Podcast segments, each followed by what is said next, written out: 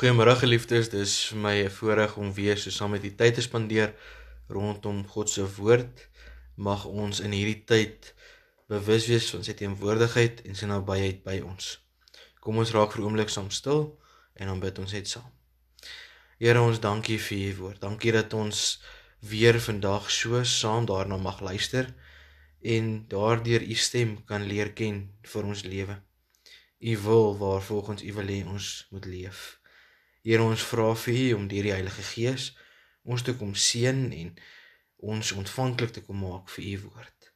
Ons bid dit in afhanklikheid en vertroue in U naam alleen. Amen. Geliefdes, ek wil graag vandag vir ons 'n gedeelte voorhou uit 1 Korintiërs hoofstuk 15 en ons gaan daarvan saam lees die eerste 11 verse. Dit handel oor die opstanding van Christus.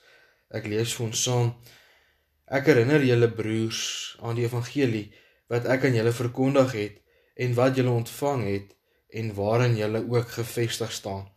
Deur die evangelie word julle ook gered as julle vashou aan die boodskap soos ek dit aan julle verkondig het. As julle aan iets anders vashou, het julle te vergeefs tot geloof gekom. Die belangrikste wat ek aan julle oorgelewer het, is wat ek ook ontvang het. Dit is Christus het vir ons sondes gesterf volgens die skrifte. Hy is begrawe en op die 3de dag opgewek volgens die skrifte. Hy het aan Sefas verskyn, daarna aan die 12 en daarna aan meer as 500 broers te gelyk, van wie sommige al dood is, maar die meeste nou nog lewe. Daarna het hy ook aan Jakobus verskyn en toe aan al die apostels. Heel laaste het hy ook aan my, die ontydige geborene, verskyn. Ek is immers die geringste van die apostels en is nie werd om as 'n apostel genoem te word nie. Omdat ek die kerk van God vervolg het, maar deur die genade van God is ek wat ek is. Sy genade aan my was nie te vergeefs nie. Inteendeel, ek het harder gewerk as hulle almal. Eintlik was dit nie ek nie, maar die genade van God wat by my is.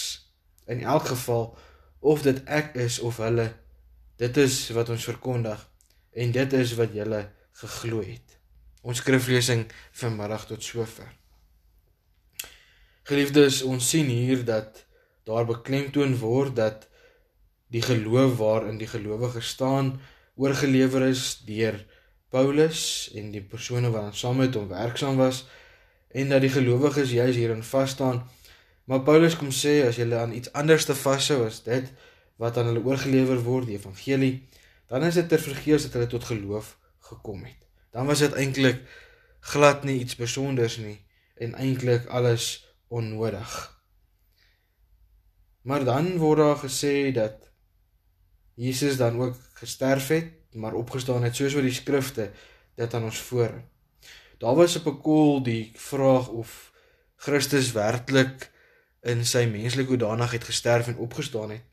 En daarom word hier veral klem gelê op die feit dat hy begrawe is en op die 30 opgestaan het, maar dan aan verskeie persone verskyn het. Eers aan Sefas, daarna aan die 12 en dan meer as 500 broers waarvan party reeds oorlede was, maar ander tog nog steeds geleef het.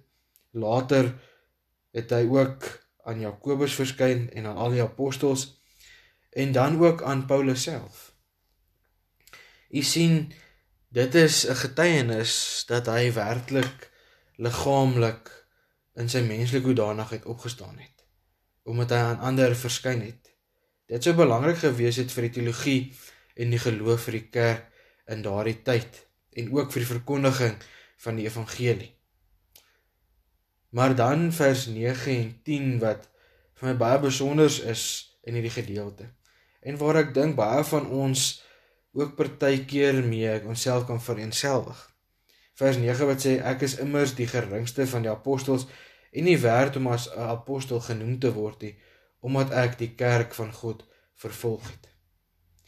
Geliefdes, ons kyk baie keer terug op ons lewe, ons verlede voordat ons die Here ontmoet het En dan wil ons allerlei verskonings opdis om te sê ek is nie werd om die genade en die geloof in God te hê nie. Want ek het A, B en C as verskoning in my vorige lewe gehad. Maar dan vers 10 waar Paulus dan kom sê maar deur die genade van God is ek wat ek is. Sy genade aan my was nie te vergeefs nie. Inteendeel ek het harder gewerk as hulle almal. Eintlik was dit nie ek nie, maar die genade van God wat by my is.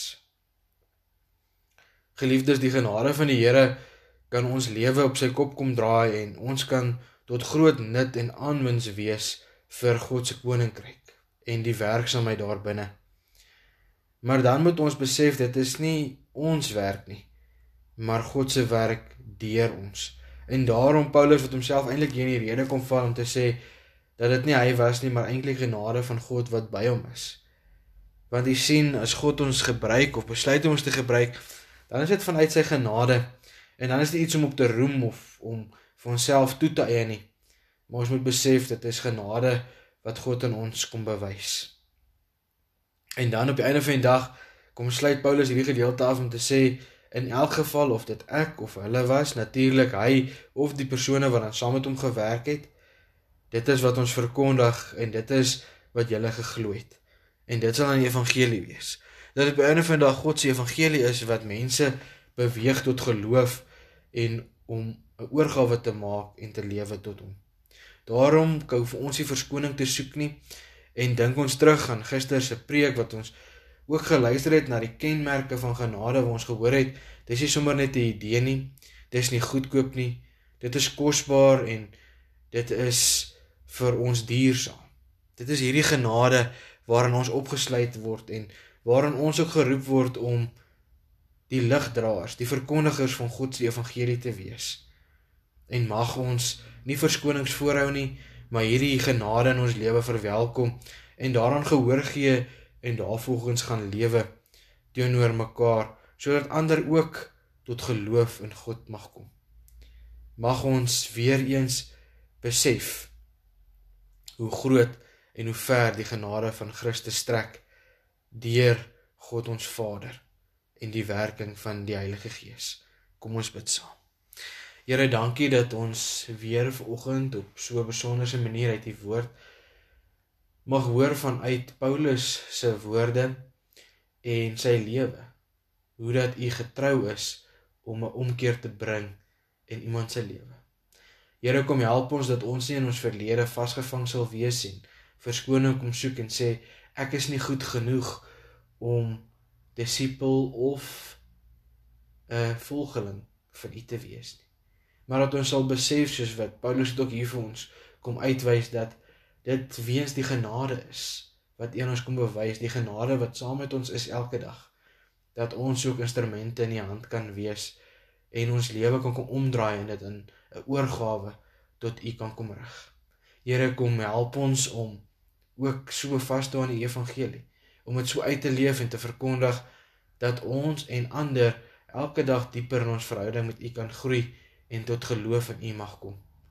Ons dankie vir U liefde en U genade wat U keer op keer aan ons kom bevestig en kom wys deur die Heilige Gees. Here kom wees by ons en kom gee dat ons U vooroor sal hou. Wees vandag by ons Here, beskerm bewaar ons, hou ons veilig in U hand en gee dat ons U teenwoordigheid en nabyheid in ons lewe sal besef en daarop sal reageer met ons hele lewe. Ons dankie vir alles wat ons uit U hand ontvang. En ons vra Here, help ons om in ons vertroue nie te verswak nie, maar sterker te groei elke dag. Ons bid dit in U naam alleen. Amen. Geliefdes, mag jy 'n geseënde dag verder hê. Groete aan elkeen by die huis.